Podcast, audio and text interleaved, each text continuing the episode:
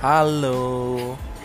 Selamat datang kembali ya di episode ke empat ya. Kayaknya kelima deh. Gue juga lupa sebenarnya. Tapi whatever. Ya. Kembali di episode Lit Talk bersama saya Bo. Dan aku Novi. Eh, seperti biasa, kali ini kita mau mengcover debat Pilpres keempat kemarin tanggal 30 Maret 2019. Ed- yang kita sebut sebagai edisi spesial yang ternyata udah nggak spesial spesial amat ya karena udah ketebak kayaknya. Jadi ya enjoy the talk and then silakan Mbak Novi dibuka. Oke, eh, jadi aku mau jelasin dulu eh, tentang debatnya ini. Debatnya ini kemarin diikutin oleh Pak ini ya, Mas Capres dari 01 ada Pak Jokowi, dari 02 ada Pak Prabowo. Eh, tanggal 30 Maret di Hotel Shangri-La dan temanya itu ideologi pemerintahan, pertahanan dan keamanan dan hubungan internasional. Oke. Eh, untuk format debatnya yang pertama itu ada pemaparan visi misi dari kedua capres. Lalu ada sesi panelis yang terdiri dari 4 eh, 9 panelis yang menyusun banyak pertanyaan dan telah diundi untuk masing-masing topik terdiri satu pertanyaan. Setelah eh, menjawab pertanyaan panelis, kedua pasangan diberi waktu untuk menanggapi Eh, setelah sesi panelis ada sesi debat terbuka, ada empat putaran dan terakhirnya ada closing statement. Oke, kita langsung aja mulai dari pemaparan visi misi. Pemaparan visi misi itu pertama dari Pak Prabowo dulu, di mana visi misi dia yang dipaparkan itu eh, dari segi ideologi dia ber, setelah saat dia akan kepilih dia akan mempertahankan Pancasila sebagai ideologi dan melawan ideologi radikal. Selain itu untuk pemerintahan dia berjanji akan memperkuat lembaga-lembaga pemerintahan yaitu karena dia mengangkat lagi korupsi di Indonesia sudah stadium 4, ada jual beli jabatan dan dia fokus ke meningkatkan kualitas hidup aparat pemerintah dan meningkatkan anggaran pertahanan. Dan untuk hubungan internasional, Pak Prabowo berkeinginan untuk membuka hubungan baik dengan semua negara. Setelah itu diikuti oleh Pak Jokowi visi misinya yang pertama itu menjalan untuk ideologi kurang lebih serupa menjalankan Pancasila dalam ideologi dalam kehidupan sehari-hari sorry yang kedua dia meng- men- ada kejutan baru nih dia menyebut pemerintahan Dilan yaitu digital melayani reformasi pelayanan publik lewat elektronik penajaman dan penyederhanaan kelembagaan peningkatan kualitas SDM aparatur negara reformasi tata kelola. Kalau dari segi pertahanan, dia fokus ke peningkatan kualitas SDM TNI dan Polri khususnya untuk penguasaan teknologi, persenjataan dan cyber, eh, pembangunan alutsista yang bisa dengan join produksi dengan negara lain dan tetap menjalankan politik bebas aktif. Itu dari segi itu dari segmen pemaparan visi misi. Dari kamu ada pendapat nggak? Um, kalau dari aku sih mungkin sebelum masuk ke visi misi ya mungkin jelasin dulu lebih tepatnya jadi di, di debat keempat capres ini itu temanya apa aja mbak pertama kita ngomongin terkait ideologi kedua ngomongin apa lagi pertahanan keamanan Pemerintahan. kemudian pemerintahan dan terakhir terkait hubungan internasional. Nah di debat ini kalau yang aku lihat karena kan tadi udah dibahas tuh detail oleh Mbak Novi. Kalau aku lihat ya typically ya bagian visi misi ya seperti itu ya seperti biasanya. Mostly ya pemaparan hal-hal terkait cuman yang agak uh, baru mungkin ya tadi presiden atau di sini capres Jokowi mengeluarkan apa ya namanya semacam hmm, kata-kata yang berbau gimmicky gitu. Seperti pemerintahan Dilan yang terkesan lebih apa ya anak muda gitu. Kan juga baru-baru tuh filmnya. Ternyata itu terkait digital dan melayani intinya kayak gitu. Cuman so far ya ya just uh, ordinary thing ya an ordinary thing kayak previous debat. Jadi di debat keempat ini bagian visi misi ya sama. Bagian visi misi tidak ter tidak ada kejutan kalau menurut saya. Kayak gitu. Mungkin berlanjut ke bagian panelis atau mbak Novi ada tanggapan? Nah, aku mau nambahin aja sih. Eh, untuk khususnya untuk tema topik ideologi di visi misi menurutku kedua capres ini ya sebatas gagasan aja. Maksudnya ya uh, gagasannya bagus mempertahankan Pancasila menerapkan Pancasila dalam kehidupan sehari-hari. Tapi belum clear apa penerapannya bagaimana. Mungkin masuk di bagian mungkin kita lihat di pertanyaan panelis untuk lebih dalam lagi terkait apa namanya gimana sebenarnya para calon ini berdialektika. Bagaimana? Oke boleh. Ya itu tadi ya. Uh, dan dari kita masuk ke topik pertama ideologi. Pertanyaan ini bagus. Jadi pertanyaan ini adalah Ideologi Pancasila berfungsi menjembatani semangat pendiri bangsa dengan generasi sekarang sekaligus menghubungkan keyakinan keyakinan yang berbeda atau kelompok yang berbeda agar menjadi dasar untuk mencapai kesepahaman dalam bertindak. Bagaimana menanamkan dan menumbuhkan nilai-nilai Pancasila dengan tidak mengutamakan pendekatan indoktrinasi? Okay. That's a good question. Pertanyaan dijawab pertama oleh Pak Prabowo. Pak Prabowo menjawab bahwa uh, untuk dalam hal penerapan Pancasila diterapkan ke kehidupan sehari-hari dengan tidak mengutamakan pendekatan indoktrinasi yaitu dengan memasukkan Pancasila dalam pendidikan dari usia dini TK, SD, SMP, SMA hingga pendidikan lanjut dalam kurikulum sehingga mengerti dasar-dasar Republik Indonesia. Selain itu dia juga men, mengangkat bahwa pemimpin itu harus memberi contoh yang mempersatukan, menyejukkan dalam masalah edukasi uh, pentingnya memilih orang atau pemimpin tidak berdasarkan suku dan ras dan mengedepankan politik persatuan. Itu dari Pak Prabowo. Kalau dari Pak Jokowi, ya dia sepakat dengan bukan sepakat sih, dia memaparkan kalau Pancasila itu kesepakatan pemimpin bangsa dari berbagai suku, agama, ras, golongan dan organisasi. Dan dia menekankan sejarah Pancasila harus diberikan di pendidikan tidak hanya sejak SD tapi sejak SD, SMP, S, sejak PAUD sorry, PAUD, SD, SMP, SMA, SMK, Universitas hingga S1, S2, S3 dan memberikan pendidikan Pancasila dalam kehidupan berbangsa. Dan mengajarkan bagaimana bertoleransi karena Indonesia terdiri dari 700 suku dan 1100 bahasa daerah dan berbeda-beda agama. Dan dia menyatak, mengatakan bahwa sudah dibentuk Badan Pembinaan Ideologi Pancasila yang harus bersifat kekinian yaitu dengan melalui visual-visual di media sosial sehingga relevansinya bisa tersambung. Uh, itu jawabannya. Ada komentar? Aku mungkin sedikit aja ya tambahan dan sedikit komentar di sini. Kalau dari bagian ideologi itu kalau Mbak Novi mungkin dan teman-teman sekalian masih ingat orang yang pertama menjawab kan adalah Pak Prabowo ya. Uh, itu yang saya agak penasaran mungkin beliau tuh kan terlalu sering berdialektika ya. Memang itu keahliannya dia. Jadi saya ngeliat kayak nggak straight to the point menjawabnya gitu. Kayak ditanya sebenarnya gimana cara menanamkan Pancasila tanpa indoktrinasi kayak gitu. Tapi kalau Mbak Novi mungkin masih ingat di awal dia berbicara terkait hmm, oh mungkin apa namanya pa, masih uh, Pancasila itu tetap penting kayak gitu.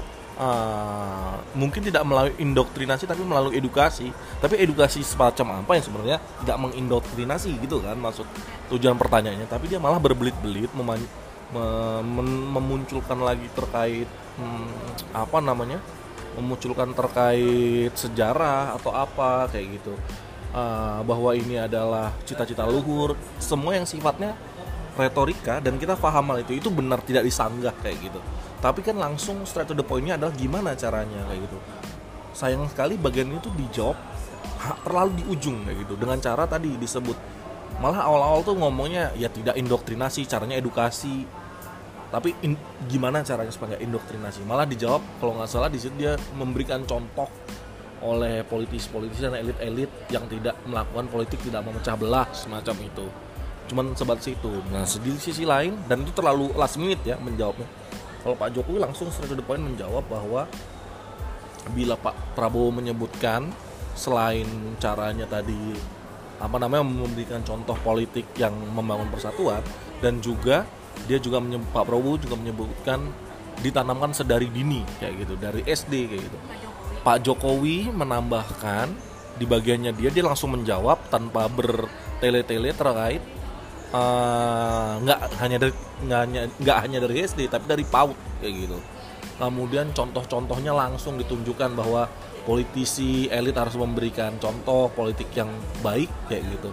Pancasilais dan tidak memecah belah dan ditambah lagi di bagian akhir dia juga menyatakan terkait pembangunan ideologi eh, badan pengembangan ideologi Pancasila pembinaan pembinaan ideologi Pancasila itu.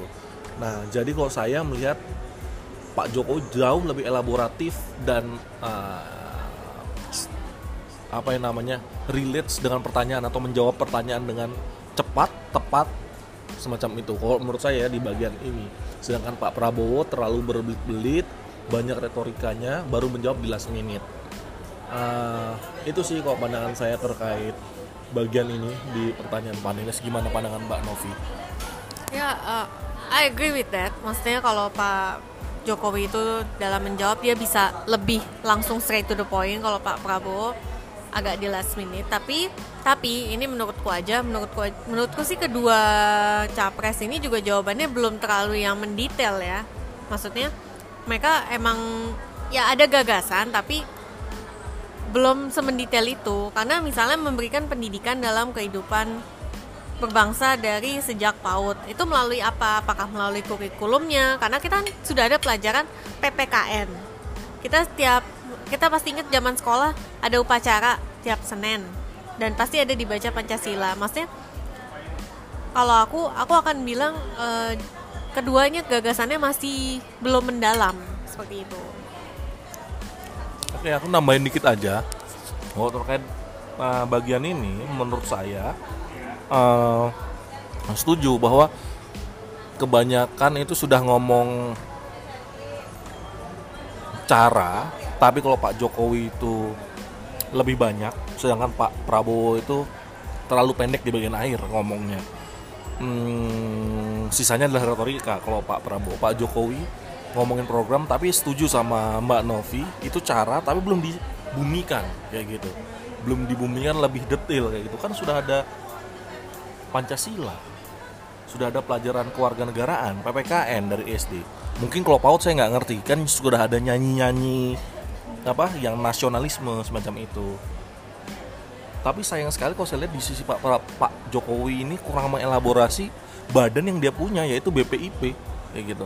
Kan tidak hanya tentu tujuannya tidak hanya membuat visualisasi-visualisasi dong tapi gimana sebenarnya sepak terjang BPIP ini harusnya bisa dijadikan contoh yang lebih membumi dan baru untuk masyarakat. Karena sebelumnya kita nggak punya BPIP kan di pemerintahan atau di presiden zaman presiden sebelumnya.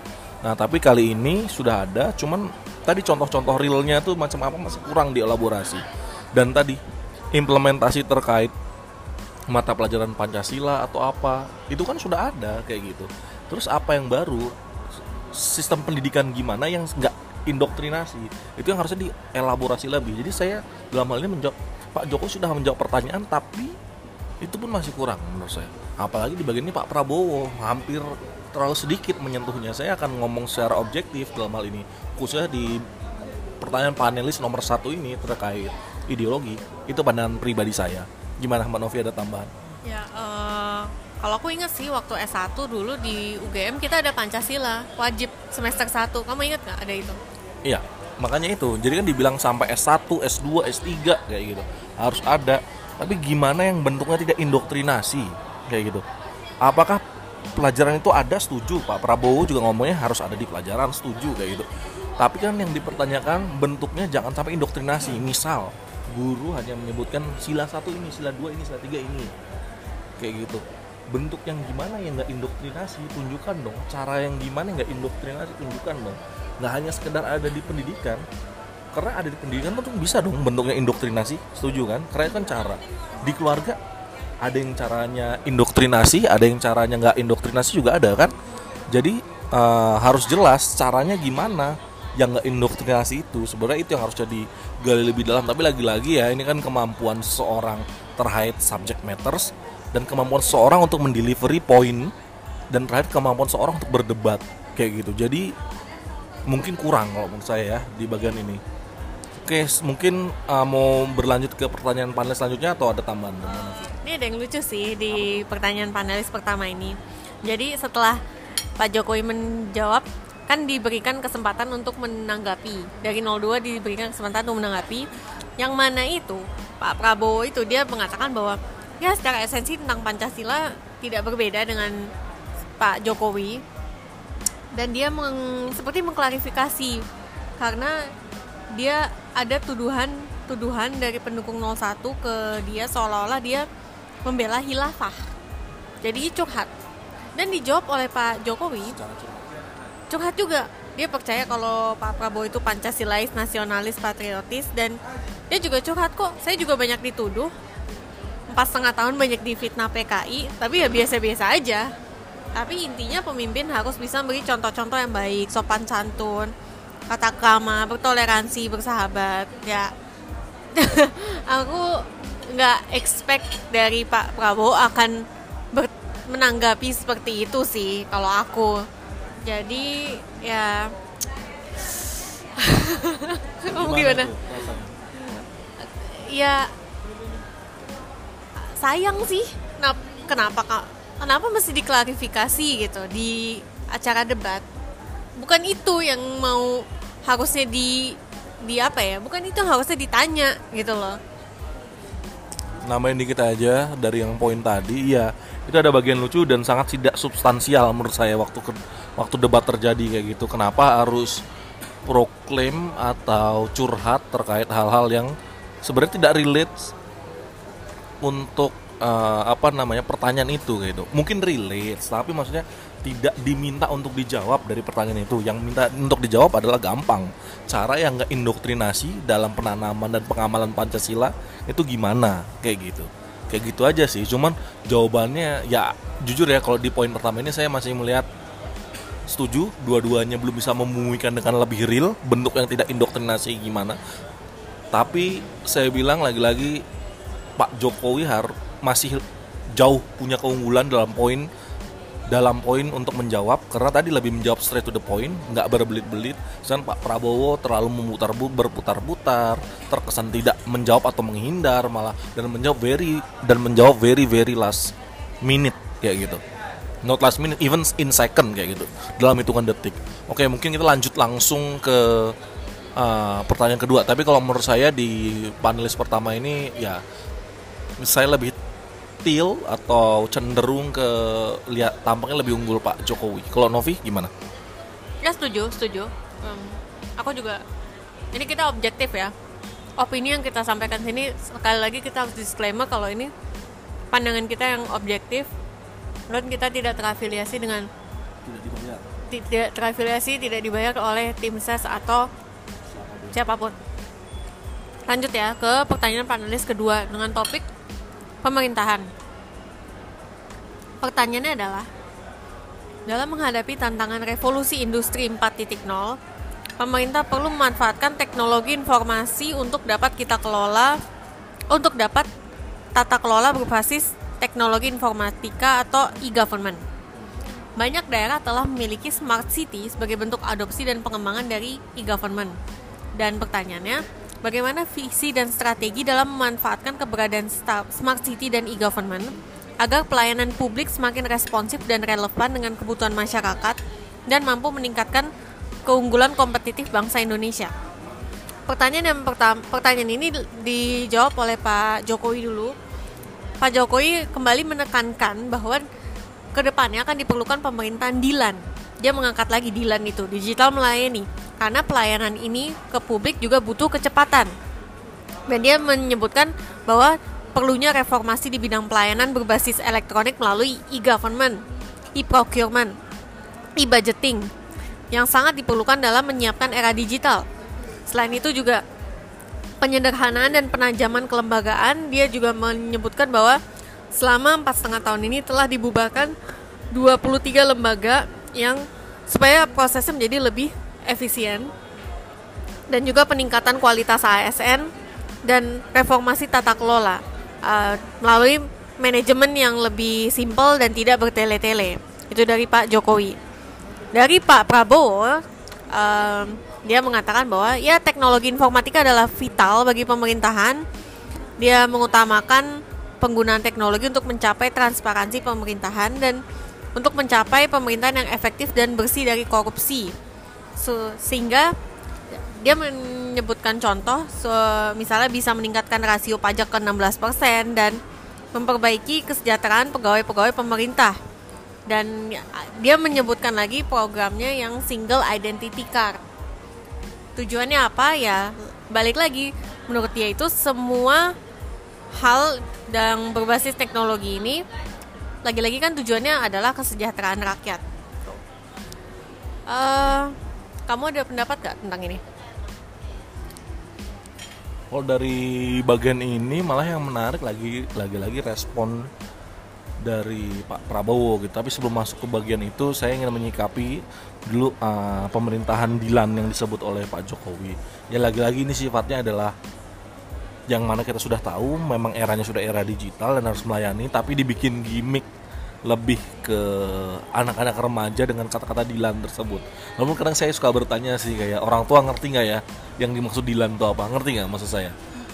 Ini kayaknya lebih aiming for anak-anak uh, remaja sih kayak gitu. Jadi ada bau-bau gimmicknya kayak itu. Tapi menurut saya ya ya memang sudah seharusnya. Maksud saya ini emang hal yang akan terus dikembangkan gitu. Tapi kata-kata Dilan ini memang menurut saya gimmick yang dimunculkan kayak gitu. Oke, berlanjut ke respon yang dilontarkan Pak Prabowo. Saya ingat sekali bahwa lagi-lagi retorik besar yang dilungkapkan terus. Lambannya adalah di bagian ini dia menyebutkan sebenarnya peran nggak apa sih dari tujuan government itu yang penting kan fungsinya mensejahterakan rakyat. Dia setuju pembangunan teknologi, pengembangan teknologi, tapi tetap yang jadi masalah adalah tax ratio rendah dia ingin dia bisa meningkatkan tax ratio yang tinggi kayak gitu. Dan rakyatnya kurang sejahtera kayak gitu. Sistemnya apa pun itu inget nggak? Sistemnya apa pun itu dia uh, inginnya yang bisa mensejahterakan kayak gitu. Tapi lagi-lagi tidak ada elaborasi program gitu kan. Naikin tax ratio jadi 16% caranya gimana? Kayak gitu. Dia sempat kok kita coba hubungkan dengan pertanyaan atau elaborasi dia yang di poin-poin debat sebelum-sebelumnya pernah ngomong menurunkan pajak kayak gitu. Atau di media-media dia pernah ngomong menurunkan pajak. Tapi gimana caranya supaya 16% kayak gitu.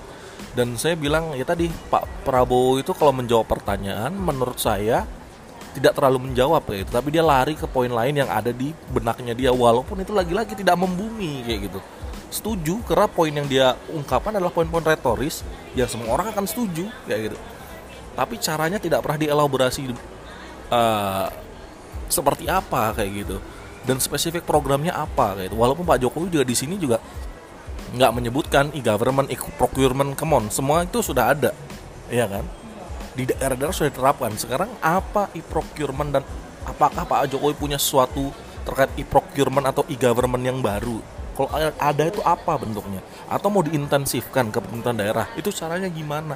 Itu yang main saya dengar. Jadi di poin kedua ini lagi-lagi kalau saya bilang di pertanyaan panelis kedua ini saya melihat Pak Jokowi juga nggak baru-baru amat hanya menambahkan gimmick Dilan. Pak Prabowo lagi-lagi menjawab menjawab terkesan sangat sulit untuk menjawab pertanyaan to the point tapi mengarahkan ke cita-cita besarnya dia yang mana sangat retoris tapi tidak mengomong membicarakan program. Jadi part ini saya menilai bahwa uh, jeleknya Pak Jokowi itu sedikit lebih baik daripada jeleknya Pak Prabowo. Karena menurut saya kayak ya tadi kurang baru sih kayak gitu. Saya agak come on semua udah ada kayak gitu menurut saya. Tapi paling nggak Pak Pak Jokowi masih ngomongin program walaupun tadi harus spesifik gimana kayak gitu. E-procurement yang gimana yang pengen dikedepankan kayak gitu. Mau diintensifkan atau mau ada cara baru lagi saya nggak tahu. Pak Pak uh, Prabowo menyebutkan single ID berarti kan KTP atau mungkin mau dibikin yang lain saya nggak ngerti. Terus sudah ada single ID dan dia mengkritik nggak perlu banyak kartu-kartu kayak gitu kan. Itu caranya gimana pak? Kayak gitu apakah dalam 100 hari kerja bapak itu langsung bisa? Kayak gitu. Apakah lagi-lagi hanya obrolan kayak gitu. Dan yang paling hebat ya dari debat malah ini saya kayak konotasi negatif ya dari debat ini dan dua-duanya tidak menyerang satu sama lain. Kayak gitu. Di terkait tanggapannya kayak gitu. Pak Prabowo menyampaikan tanggapan terkait kartu-kartu itu mungkin secara indirect tapi tidak langsung pada jawaban yang Pak Jokowi lemparkan untuk ditanggapi kayak gitu. Demikian juga Pak Jokowi melihat ide besar yang retorik dari Pak Prabowo juga tidak ada pertanyaan yang menyerang beliau kayak gitu. Ini uh, lanjut ke Novi selanjutnya kalau ada tambahan. Uh, ya uh, lanjut aja ya. Jadi kan habis pertanyaan itu di bukan. Jadi sesi tanggapan dulu. Jadi setelah Pak Prabowo menjawab, Pak Jokowi diberi kesempatan untuk menanggapi jawaban dari Pak Prabowo. Yang lagi-lagi aku setuju sama kamu kalau pen tanggapannya itu tidak menyerang, tidak meng-challenge Pak Prabowo uh, bagaimana ide besarnya gitu bisa diimplementasikan ke program. Jadi Pak Jokowi itu menjawab kalau da, tujuan dari penggunaan pelayanan berbasis elektronik ini adalah kecepatan karena negara yang cepat akan menguasai negara yang lambat. Dan kita harus menyiapkan negara untuk cepat merespon perubahan yang ada yaitu melalui e-government, e-procurement dan lain-lain supaya terkoneksi dari pusat hingga kota terkoneksi semua gitu. Jadi pemerintah menjadi sangat efektif, cepat melayani dan responsif. Dan dia menyebut contoh bahwa misalnya untuk pajak, kalau SPT sudah online gitu. Ya lagi-lagi bener sih kata kamu apa semuanya itu sudah ada gitu. Jadi apa yang baru pak? Apakah cuma Dilan yang baru? Yang sebenarnya juga udah ada atau itu cuma hanya menambah gimmick saja untuk menarik pemilih kemaja? I don't know. Lanjut ke menurut kamu di, mana di poin uh, pertama ya sebatas gagasan aja sih gagasan besar maksudnya ya uh, kalau aku ya ini opini aku aja at this point aku nggak expect karena ngelihat format debat yang kayak gitu dari awal debat pertama sampai sekarang memang format debatnya tidak uh, mungkin bukan formatnya mungkin memang nature-nya tidak men-challenge satu sama lain. Jadi kayak oh ya udah, jadi kayak ya menonton masing-masing aja ngomong gitu. Jadi tapi ya balik lagi dari Pak Jokowi juga uh, menurutku gagasan besar yang udah ada, tapi mungkin karena ditambah gimmick jadi kesannya ada barunya, padahal sih nggak juga. Tuh. Tapi kalau kita lihat dari tanggapan Pak Prabowo Pak Prabowo menanggapi bahwa ya sebenarnya tidak ada perbedaan pandangan dalam garis besar. Itu jawaban dia. Uh, ya teknologi dan sistem itu harus bisa mendukung untuk pemerintahan itu. Tapi balik lagi, dia mengatakan kalau tujuannya tidak jelas akan menjadi kerugian bagi negara gitu. Dia mengangkat masalah lagi kalau masalah bangsa kita adalah kekayaan tidak tinggal di Indonesia. Gitu. Jadi percuma kalau ada sistem dan teknologi tapi kalau political will-nya itu tidak ada. Jadi dia mengatakan saya lebih baik pakai teknologi lama tapi kekayaan tidak keluar dari Indonesia. Um, menurut kalau menurutku sih uh, agak blunder ya. Dia mengatakan tidak lebih baik pakai teknologi lama gitu. Karena come on sekarang teknologi udah berkembang, orang sudah mengarah ke digital gitu. How come you as a leader told uh, us not to apa ya adaptasi gitu, tidak beradaptasi gitu, tetap pakai teknologi lama gitu. Itu sih missing point dari jawaban dia. Kalau dari kamu gimana? Yang nambahin dikit setuju yang poinnya Novi dan saya tetap melihat bahwa tadi ya itu retorika besar kekayaan harus stay di dalam terus nggak pernah di elaborasi caranya seperti apa kayak gitu. Padahal ya ini bidang government sebutkan dong caranya kayak gitu. Kalau memang calon presiden tersebut mampu untuk atau punya caranya kayak gitu. Kalau hanya mampu beretorika ya memang seorang retorik aja retorik sejati kayak gitu. Tapi ya saya juga mendebatkan di poinnya Pak Jokowi juga menurut saya lemah untuk mendebat kayak gitu. Dan idenya sudah ada kayak gitu. Maksudnya kalau semua di debat itu mungkin harusnya bisa dipoles bahwa zaman saya sudah ada ini zaman sebelum saya belum pernah ada ini. Misalnya e-procurement yang semacam apa atau SPT online yang semacam apa yang berbeda kayak gitu. Berarti itu kan perubahannya.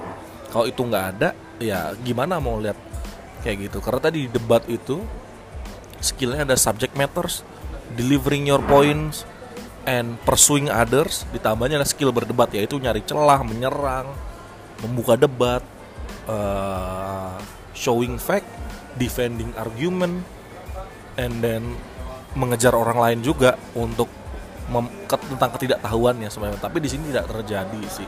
Kalau menurut saya juga kayak gitu. Mungkin itu yang untuk debat ke, uh, untuk uh, poin yang ini mungkin ini yang terakhir. Terhabis ini mungkin Mbak Novi sekalian tanggapan kemudian lanjut ke poin panel selanjutnya pertanyaan panel selanjutnya Uh, yeah, I don't think both candidates have uh, excellent debate skills sih, to be honest gitu. Ya, ya udah kita lanjut aja ya ke pertanyaan panelis ketiga dengan topik pertahanan dan keamanan. Uh, pertanyaannya adalah moderni modernisasi alutsista dan almatsus merupakan hal yang penting bagi pembangunan sistem pertahanan dan keamanan yang kuat dan modern. Namun kondisi alutsista dan almatsus belum memadai karena keterbatasan anggaran. Di sisi lain, problem transparansi dan akuntabilitas dalam pengadaan alutsista dan almatsus juga menjadi masalah tersendiri. Bagaimana strategi untuk memodernisasi alutsista dan almatsus dengan tetap menjamin transparansi dan akuntabilitas di tengah keterbatasan anggaran negara? Pertanyaan yang ini pertama dijawab oleh Pak Prabowo. Dia mengatakan bahwa per, eh, pertahanan dan keamanan ini sangat penting karena kekayaan bangsa jika tidak dijaga oleh pertahanan yang kuat tidak mungkin. Lalu dia mengkutip ahli sejarah Yunani. Dan Pak Prabowo mengangkat masalah bahwa pertahanan Indonesia terlalu lemah karena tidak punya uang sehingga kita harus menjaga keuangannya. Dan masalahnya adalah kekayaan Indonesia tidak di Indonesia sehingga lemah. Dan dia juga mengatakan bahwa Indonesia diremehkan di dunia internasional. Eh, jadi dia juga mengkutip kutipan dari Yuwono Sudarsono tentang Indonesia Defenseless Minister dan ya dia mengatakan dia akan men- harus meningkatkan anggaran pertahanan dan keamanan, membuat sistem, menghentikan kebocoran dan kurangi korupsi sehingga kekayaan Indonesia tidak mengalir ke luar negeri. Dan untuk Pak Jokowi ya dia mengatakan bahwa untuk pertahanan dan keamanan pentingnya untuk menggelar pasukan terintegrasi yang tidak Jawa sentris. Dan dia menyebutkan bahwa dia sudah membangun divisi 3 di Goa, di Biak, dan di Sorong yang sedang dalam proses pembangunan. Dan dia juga mengatakan akan menggelar akan atau sudah ya menggelar pasukan di empat titik penting. Natuna, Morotai, Samlaki dan Biak dan dengan menggelar pasukan ini titik-titik pinggir negara menjadi terjaga semua di mana radar udara sudah menguasai 19 titik dan eh iya 19 titik dan radar maritim 11 titik juga sudah terkoneksi gitu. Mengenai anggaran, Pak Jokowi mengatakan bahwa anggaran di Kementerian Pertahanan sudah 107 triliun. Nomor 2 setelah Kementerian PU. Kalau memang masih ada yang kurang, ini namanya proses sehingga itu yang perlu diperbaiki. Oke.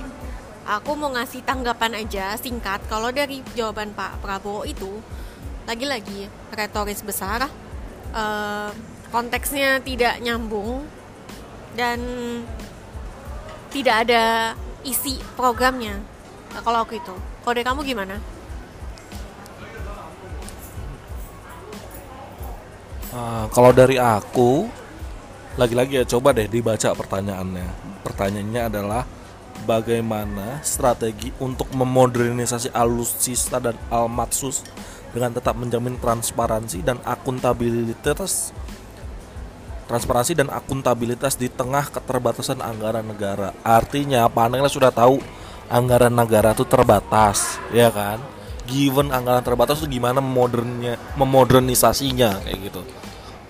Nah di hal hal ini Pak Jokowi cukup banyak memberikan program yang saya juga baru tahu kayak gitu. Termasuk yang apa? Pasukan ketiga, apa angkatan ketiga itu, divisi ketiga sorry, Ah, divisi ketiga yang dibangun di daerah-daerah perbatasan kayak gitu. Dan Pak Prabowo me- seolah-olah kan beliau mencatat ya, tapi di sini ah, saya ngeliat bener-bener dicatat gak pertanyaan? Karena kan given kan pertanyaan given anggarannya terbatas. Gimana caranya? Kayak gitu tapi dia jawab bahwa anggaran kita kecil harus dinaikin. Sekarang yang ditanya bukan anggarannya harus dinaikin atau enggak? Kayak gitu. Kalau anggarannya udah terbatas cara kamu modernisasi gimana? Kayak gitu. Tapi jawabannya adalah anggarannya harus naikin dia bandingin dengan Singapura yang 0, eh 3 persen apa 3 persen terkait terhadap APBN itu dia ada di bagian yang nanti akan ngomongin hal itu kayak gitu. Tapi menurut saya tadi anggaran yang terbatas terus ngapain membangun angkatan ketiga kayak gitu. Walaupun apa namanya hmm, tapi persenjataannya kurang sehingga harus ditingkatkan namanya persenjataan. Walaupun di sini memang ada bagian di mana dia menunjukkan kemampuannya dia sebagai TNI ingat nggak? Di bagian tanggapan di ntar dia ngomong saya lebih TNI dari TNI kayak gitu. Jadi itu harus di apa namanya harus diperhatikan bahwa ya benar maksudnya itu cara jualan ya. Menurut saya di debat juga sah ada cara jualnya. Tapi ngomong program please kayak gitu. Gimana tadi uh, menjawab pertanyaan itu dulu deh menurut saya. Yang mana menurut saya lagi-lagi kok seolah Pak Prabowo mencatat tapi sebenarnya tidak mencatat ya gitu. Dalam artian kayak seolah-olah ya. Karena tidak stay to the point strict to the point stay to the point. Terkait pertanyaannya given anggarannya terbatas ya kan? Gimana tadi apa namanya untuk tetap uh, memodernisasi alutsista dan almas almatsus? Kayak gitu. Yang kedua kayaknya dua-dua nggak menjawab terkait gimana transparansi dan akuntabilitasnya. Karena Pak Jokowi ngomong dia datang hal ini dibangun kayak gitu. Uh, tetap dibangun kok. Pak Pak Jokowi juga mengkritisi Pak Prabowo dengan ngomong Bapak kayaknya kurang percaya sama TNI kita kayak gitu. Semua tuh kok kayaknya terkesan ABS doang kayak gitu. Saya melihat kok itu dibangun. Tapi apakah transparansi dan akuntabilitas sebatas ngecek lapangan?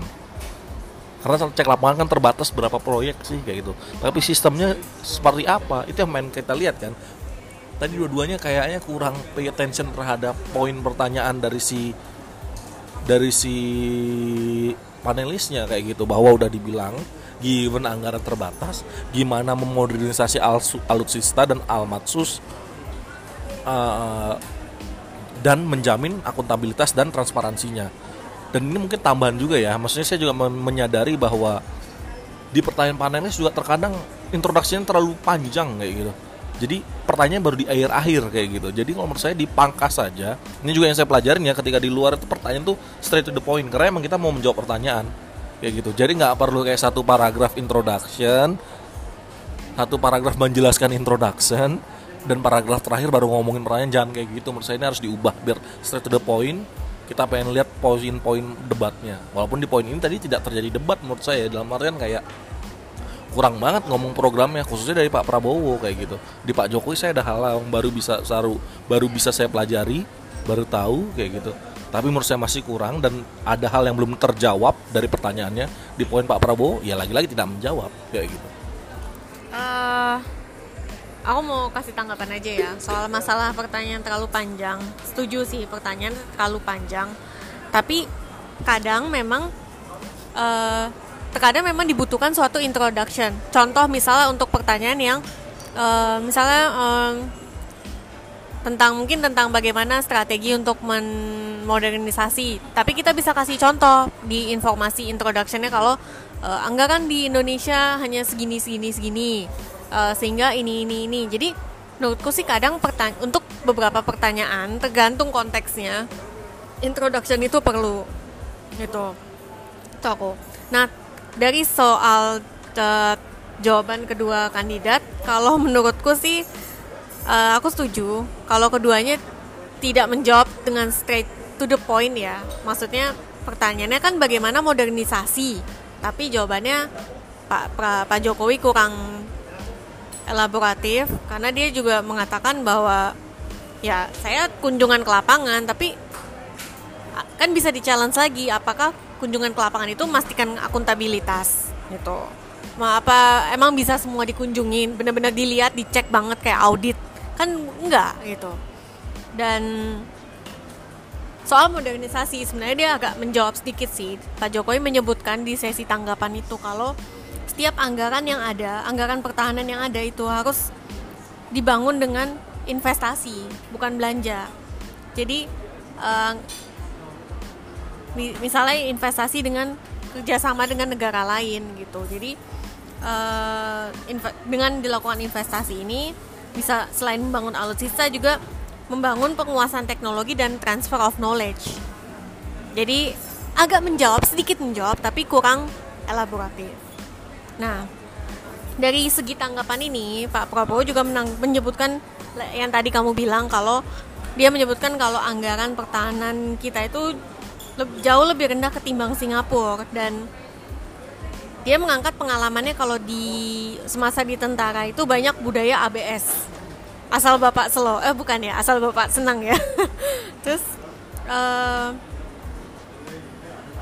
jadi ya lagi-lagi sih dari pertanyaan dari menjawab panelis dan memberikan tanggapan kalau untuk Pak Prabowo aku belum melihat kontennya dia dalam hal program strateginya apa? Aku belum melihat itu. Kalau Pak Jokowi ada sedikit tapi ya udah gitu. Itu sih.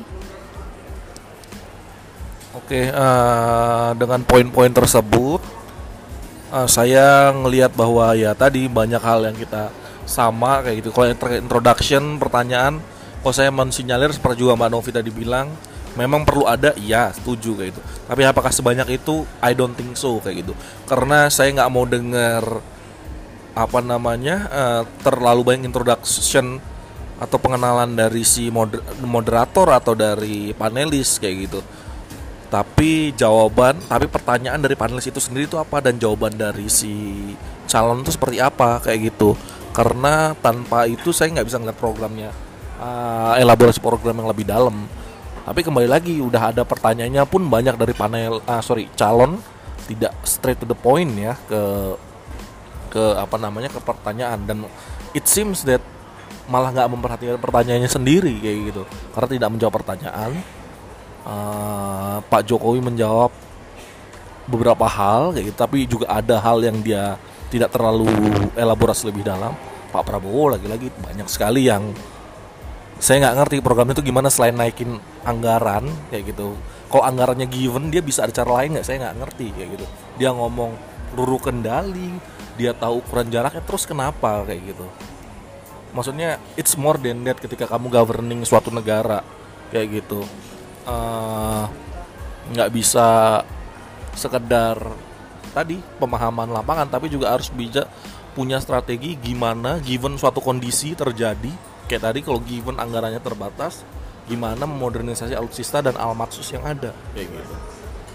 Kalau Pak Jokowi kan dalam dia ngomong membentuk divisi ketiga itu eh anggaran terbatas saya masih bisa bentuk divisi ketiga. Walaupun setuju itu harus diserang habis-habisan. Dan inisiatif menyerang dari Pak Prabowo saya sangat setuju dalam hal ini. Dan itu saya acungin jempol dia ngomong bahwa ah, buat apa? Punya markas bagus tapi nggak ada senjatanya kayak gitu. Gampang diserang tapi tujuannya mungkin lebih dari itu Pak Pak Jokowi pun tidak mendefend hal itu lebih dalam kayak gitu tujuannya apa sehingga tadi debat itu udah ada yang mengambil inisiatif menyerang dalam hal ini Pak Prabowo tapi tidak mampu didialektikakan oleh Pak Jokowi pada bagian ini ya khususnya. Tapi di sisi lain juga Pak Prabowo PR, PR utamanya sangat besar terkait program dia sendiri itu apa kayak gitu. Selain ngomong kapal selam kita ter apa lebih tua daripada negara tetangga, jumlah pasukan kita berapa, jumlah pesawat tempur kita berapa. Terus Bapak maunya gimana? Dan harus mampu juga membaca pertanyaan dari panelis kayak gitu. Bisa nggak menjawab pertanyaan panelis? Kok rasa-rasanya di bagian ini lagi-lagi ya beliau tuh tidak tidak tidak mampu memahami pertanyaannya itu nomor satu kalau menurut saya karena tidak terjawab kayak gitu dengan cerita besar yang diomong berulang-ulang menurut saya sih semua orang paham ya cuman yang malah te- harusnya terelaborasi tidak terelaborasi di bagian program kerjanya dia itu sendiri. Selain tadi nak naikin tax ratio uang ke luar negeri itu caranya gimana supaya uang stay di dalam pajaknya naik langkah implementasinya semacam apa kayak gitu. Itu yang harusnya dikejar dan dielaborasi. Bila beliau mampu dan ingin menjadi presiden yang for real membangun dengan program kerja nyatanya dia. Demikian Eh, setuju. Sebenarnya sih kalau kita mau objektif, apa yang Pak Prabowo bilang ada benarnya. Pertama dari sisi ABS, asal budaya ABS. Itu kan kalau kita mau objektif ya bener dong. Sebagai seorang presiden, Pak Jokowi harusnya juga jangan terlalu gampang percaya sama apa kata bawahan gitu. Hati-hati sama yang seperti itu ya. Jadi actually he's got a point gitu. Tapi poin yang dia ungkapkan tidak membantu dalam semua orang tahu tapi tidak mem- membantu dalam jawaban dia gitu. Dan dan juga kenapa Pak Jokowi tidak mendefense lagi soal ini?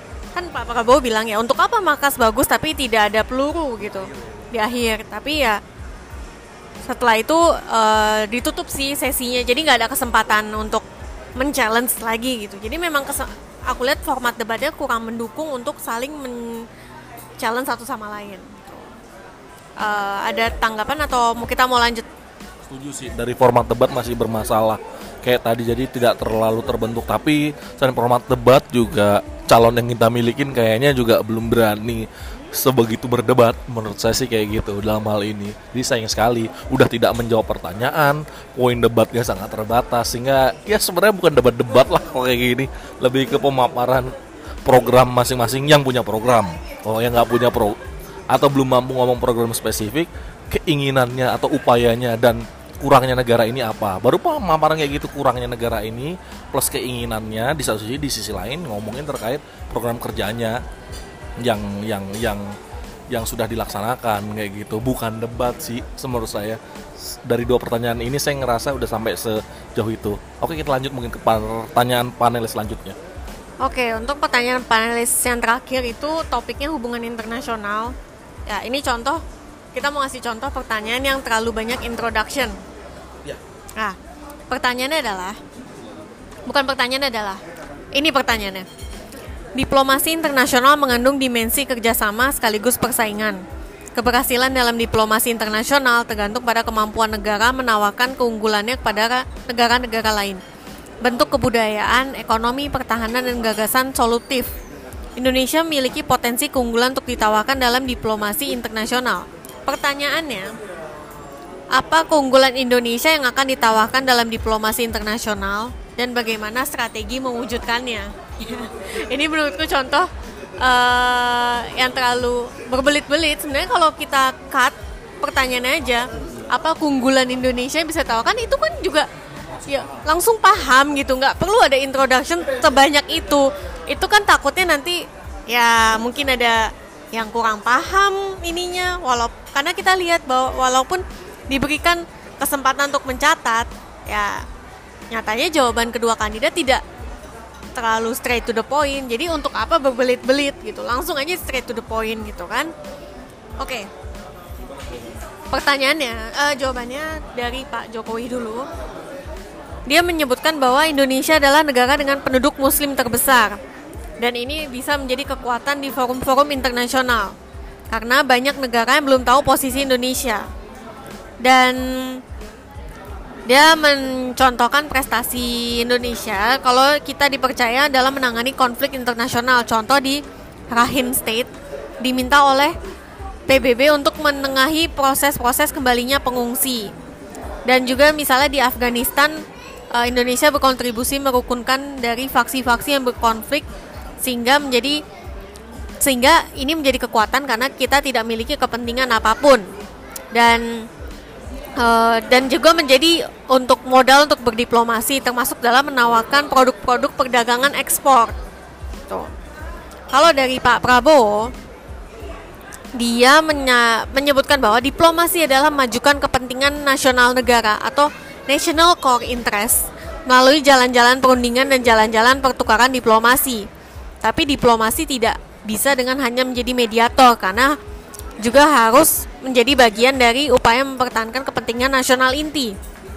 Sehingga diplomasi harus di-backup oleh kekuatan. Jadi dan lagi-lagi dia mempertanyakan kemampuan TNI kita, misalnya contohnya dia membawa kap, contoh tentang kapal selam, uh, skuadron peluru. Uh, dia menyebut bahwa Indonesia tidak bisa hanya menjadi nice guy gitu.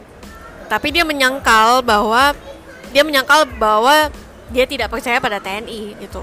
Bukan dia tidak percaya gitu. Cuma uh, menurut dia penting bagi Indonesia bahwa tidak hanya menjadi sekedar mediator atau ya being a nice guy gitu sih.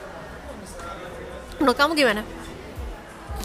Lagi-lagi ini kalau dari saya sih lihat ditanya kan pertanyaan keunggulannya Indonesia apa yang bisa jadikan modal untuk diplomasi internasional Pak Jokowi itu ngomong terkait tadi sebagai negara mayoritas muslim negara demokrasi yang mayoritas muslim misalnya kayak gitu. Itu memberikan daya tawar untuk sebe- uh, memberikan daya tawar uh, untuk uh, diplomasi internasional terus ekspor Indonesia kayak gitu maksudnya tujuannya apa ya? Saya bisa ngeliat mungkin ya tadi sebagai mayoritas muslim kita represent a lot of other muslim countries. Sebagai democratic country kita represent democratic country sehingga persoalan yang ada di Indonesia bisa menjadi lesson learn di tempat lain.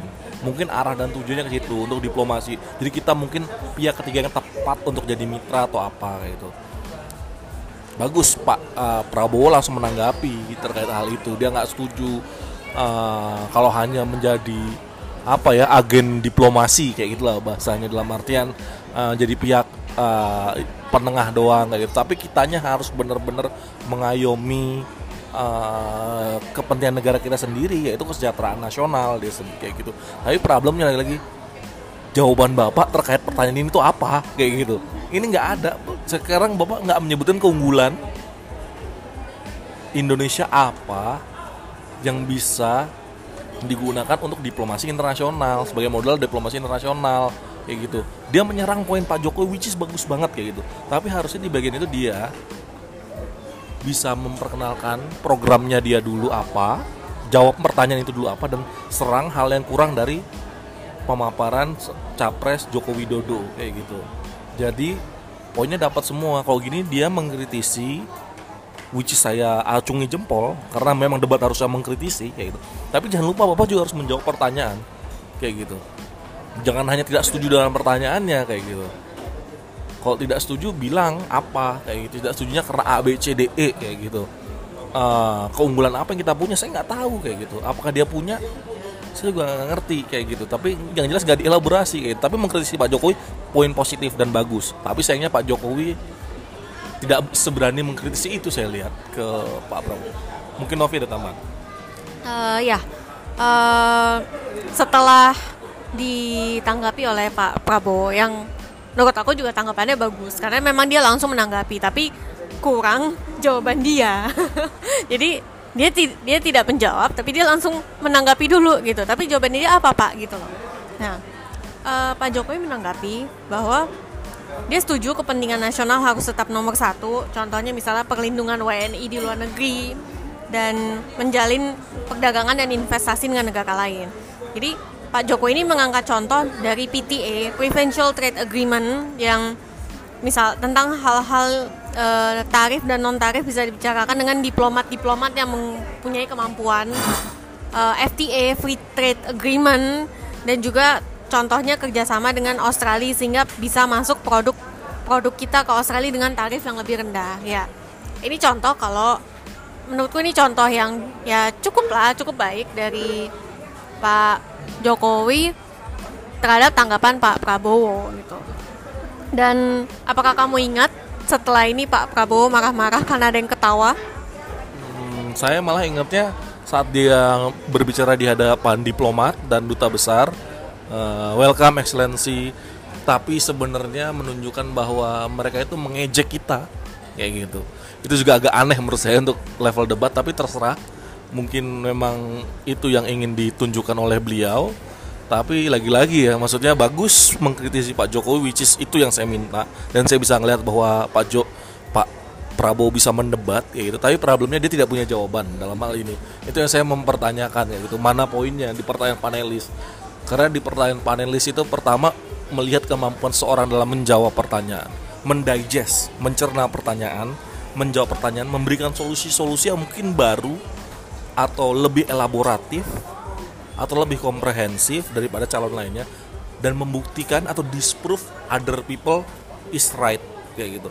Calon lain itu mendisprove atau menyatakan dia salah kayak gitu atau caranya yang disampaikan kandidat lain itu salah banyak problemnya nggak mungkin bisa tapi cara saya bisa gitu. Nah Pak Prabowo mampu menghadirkan namanya disproof kayak gitu.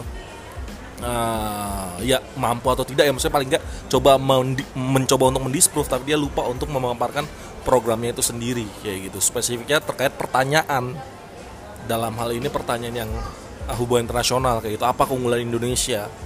Kayak gitu. Uh, yang bisa dijadikan modal untuk diplomasi internasional kalau dia menunjukkan bahwa yang disampaikan Pak Jokowi kurang kita nggak bisa hanya jadi seorang diplomat yang menjadi nice guy pihak ketiga perantara atau semacam-macamnya terus lantas gimana seharusnya? Kayak gitu. Yang kuat itu yang gimana? Yang kekayaan tinggal di dalam negeri. Misalnya kan itu yang selalu di didengung-dengungkan tapi sampai sekarang pun saya nggak dapet gitu poinnya. Gimana cara kekayaan tinggal di dalam negeri dan berapa sih yang di, tinggal di dalam negeri dan berapa sih yang keluar? Walaupun beliau udah mengungkapkan tapi nggak pernah ada data real yang dipublish kayak gitu. Hanya sebatas ucapan yang diliput, diliput media kayak gitu. Tidak pernah ditunjukkan nih sourcesnya dari ini atau dari data yang semua publik bisa akses kayak gitu. Jadi dan cara-caranya program-program kerjanya pun tidak tampak ketika kembali ke Pak Prabowo. Sedikit berbeda ketika ngeliat Pak hmm, Sandiaga Uno yang kemarin akhirnya oh terungkaplah sedikit banyak program-program program kerja nyatanya di Prabowo Sandi tapi kembali ketika kembali ke Pak Prabowo lagi kok saya lagi bingung lagi terkait program nyatanya itu apa. Dan Pak Jokowi ya sudah ada. Walaupun tadi apakah spesial? Ya adalah kayak gitu. Kalau dibilang spesial nggak ya ya memang sudah ada kayak gitu loh. Tapi lebih ngomong program. Tapi Pak Prabowo tidak ngomong program sedikit pun. Atau terlalu minim gitulah mungkin tidak terlalu. Mungkin kita lanjut lagi ke sesi selanjutnya yaitu debat terbuka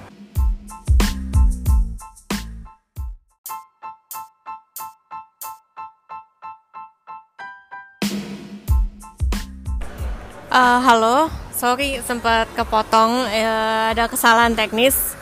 Jadi kita harus bagi ke dua part. Uh, Oke, okay, tadi kita balik lagi ke topik talk kita hari ini. Uh, kita sampai ke putaran eh debat terbuka putaran pertama. Putaran pertama debat terbuka ini kita jelas uh, apa jadi kayak sesi tanya jawab antar kandidat. Pertanyaan pertama ini dari Pak Prabowo, dia mengangkat masalah kondisi pertahanan kita yang menurut dia belum memadai karena dari segi pembiayaan dari jika dibandingkan GDP dan APBN kita rendah dibanding Singapura. Uh, jadi menurut dia untuk apa beli alat tapi tidak apple to apple. Contohnya kapal selam kita yang ketinggalan dibanding Singapura dan untuk apa membangun divisi 3 jika tidak ada peluru gitu. Apakah briefing yang diterima perlu dikaji kembali? Hal ini dijawab oleh Pak Jokowi kalau dia masih sangat percaya dengan TNI dan dia menyebutkan untuk prioritas anggaran memang masih untuk infrastruktur tapi ke depannya jika kondisi ekonomi sudah lebih baik pasti anggaran pertahanan keamanan akan ditingkatkan dan menurut informasi intelijen strategis dia bahwa 20 tahun ke depan invasi dari negara lain dapat dikatakan tidak ada dan yang lebih pen yang tak kalah penting adalah bagaimana keamanan dalam negeri yang berkaitan dengan konflik juga tidak dianggap remeh gitu. Penguatan SDM dan penguasaan teknologi persenjataan dan cyber juga sangat diperlukan gitu. Dan menurut dia untuk hal-hal teknis uh, eh, TNI akan lebih tahu. Dan hal ini dibantah keras oleh Pak Prabowo. Dia menceritakan tentang pengalaman dia bagaimana dia diarahkan oleh jenderalnya oh tidak ada briefing itu tahun 74 tapi tahun 75 diberangkatkan ke tim-tim gitu jadi menurut dia tidak boleh menganggap tidak ada tidak akan ada perang karena pertama kita tidak tahu negara lain niatnya apa dan negara-negara lain juga mengincar kekayaan kita gitu jadi kata dia ya bapak perlu cek lagi lah briefingnya gitu kalau saya jadi bapak mah ya informasi intelijennya ya saya nggak tahu deh gitu diapain gitu Hal ini dibantah lagi oleh Pak Jokowi. Dia menyebutkan ya namanya perkiraan. Bukan tidak akan ada, tapi diperkirakan tidak ada. Namanya perkiraan bisa salah, bisa betul. Makanya penguasaan teknologi dan persenjataan cyber sangat diperlukan gitu. Contohnya dari radar udara, radar maritim gitu. Untuk kan untuk menjaga kedaulatan. Dan untuk prioritas anggaran memang harus ada skalanya tapi kan semua lagi-lagi untuk kepentingan bangsa menurut kamu gimana dari putaran pertama ini kalau aku mungkin mikirnya uh, ini yang pertanyaan ya. Pak Prabowo memaparkan maksudnya saya maksud, maksud aku kok pertanyaan Pak Prabowo ini agak aneh gitu. Maksudnya kalau mau strict sekalian kayak gitu. Uh, kok dia malah menanyakan uh, apakah briefing bapak perlu dikaji lagi? Kayak gitu. Ya nggak ngerti. Maksudnya muncul katanya standnya Pak Prabowo kayak gitu lantas pertanyaannya yang lain Pak menurut saya ini cara yang nggak tepat kayak gitu atau apa kayak gitu. Jadi dalam memformulasi pertanyaan tuh sangat aneh itu sih kalau dari saya kayak gitu. Lalu Pak Jokowi mengedepankan tadi program-program kerjanya dia kayak gitu angkatan apa kok angkatan sorry divisi ketiga kayak gitu. Tapi ya tadi maksudnya itu diserang balik bahwa buat apa bikin markas gitu-gitu which is lagi-lagi ini sangat positif dari Pak Prabowo mengambil inisiatif menyerang kayak gitu. Tapi dia masih punya problem tadi memformulasikan pertanyaan. Dia punya problem memformulasikan pertanyaan. Tapi dia cukup menyerang pada bagian tanggapan kayak gitu. Dan Pak Jokowi pun uh, cukup defensif kayak gitu. Cuman tidak tadi ya tidak piawai mendebat balik kayak gitu loh. Karena pemaparan dalam hal pemaparan pemaparan sudah disampaikan kayak gitu tapi ini agak tricky ya di awal tadi kalau nggak Mbak Novi mencermati debatnya dengan debatnya dengan apa namanya uh, bukan debat ya mungkin pemaparan atau jawaban dari pertanyaannya Pak Prabowo dia menyebutkan uh, tidak ada ancaman ya kan estimasi dan prediksinya bahwa tidak ada ancaman perang dalam 20 tahun ke depan. Yang ada dekat kita tuh adalah konflik. Ingat nggak? Mungkin. Dia ngomong kayak gitu. Sehingga tadi ya tadi mungkin itu debatable kayak up tapi kan konflik juga bisa berujung perang. Atau konflik juga ada pengarahan masa kayak gitu? So maksudnya gimana gitu pembenahannya? Jadi ya ini tricky bagian ini. Apakah timur timur itu bentuk konflik instead of perang tapi ya lagi-lagi berhenti di berhentilah di ucapan-ucapan yang uh, cukup apa ya namanya meng mengapa namanya meng memunculkan prejudis atau memunculkan ambiguitas pantas Pak Jokowi juga mendefense dari pertanyaannya Pak Prabowo tadi mendefense bahwa sebenarnya hmm, itu bentuknya prediksi kayak itu. Tapi pengamanan tetap dilakukan walaupun dia tetap percaya dengan apa namanya TNI yang dia miliki kayak gitu. Uh, tapi yang saya nggak paham lagi-lagi kan di situ Pak Jokowi mengutarakan beberapa program kerjanya dia ya uh, seperti apa radar di 9 di 9 titik kayak gitu. 19. 19 titik terus apa namanya? Uh, cyber teknologi uh, cyber peng, apa ya? penginfofan apa memperkuat sisi cyber uh, dari pertahanan kita kayak gitu. Walaupun tadi ya nggak real, kalau yang radar oke saya paham, tapi mungkin ada hal yang lebih real kayak gitu. Di sisi lain, saya ngeliat lagi-lagi dari Pak dari Pak uh, Prabowo itu saya nggak ngelihat program kerjanya kayak gitu yang dia sebutkan bahwa tadi kurangnya kita ini apa yang mana bagus gitu. Tapi selalu kurang. Kurangnya apa? Kurangnya adalah ya langkah yang mau dilakukan bapak itu apa kayak gitu. Uh, apakah tadi anggaran kita sudah yang tertinggi kalau berdasarkan mata anggaran ya? Anggaran Kementerian Pertahanan atau anggaran pertahanan itu tertinggi kedua setelah infrastruktur di PUPR kayak gitu tapi itu pun jumlahnya kan nggak sampai 3% seperti Singapura kayak gitu. Uh, apakah bapak mau anggaran setinggi Singapura? Caranya gimana? Kayak gitu apakah kita harus printing money? Ataukah kalau jawaban pak apa atau hmm, diskusi yang disampaikan Pak Prabowo berkali-kali adalah peningkatan uh, tax ratio gitu. Itu caranya gimana? Nggak pernah didepankan juga kayak gitu. Misalnya penurunan pajak ya level berapa? Untuk kalangan mana income bracket berapa dalam berapa tahun itu bisa sampai kayak gitu. Gimana mengatasi tantangan global yang gitu-gitu tuh menurut saya kayak nggak ada elaborasi kayak gitu. Jadi debatnya tidak pada takaran program tapi ngomong terkait kekayaan kita yang tidak tinggal di dalam negeri terkait kesejahteraan kita yang kurang ya bener lagi-lagi karena kalimat retorik semua orang menyatakan itu benar dan menurut saya akan terlalu konyol kalau itu hanya dijual terus-terusan karena semua orang bisa ngomong hal itu. yang membedakan adalah gimana sebenarnya Nah, langkah konkretnya untuk mencapai cita-cita luhur atau retorika tersebut itu saya melihat tidak terlalu banyak disinggung juga di bagian ini. Uh, itu sih pandangan saya. Uh, Mbak Novi ada tambahan? Uh, setuju. Kalau aku ya setuju lah sama Mas Bo. Jadi memang kalau dari Pak Prabowo itu banyak retorisnya.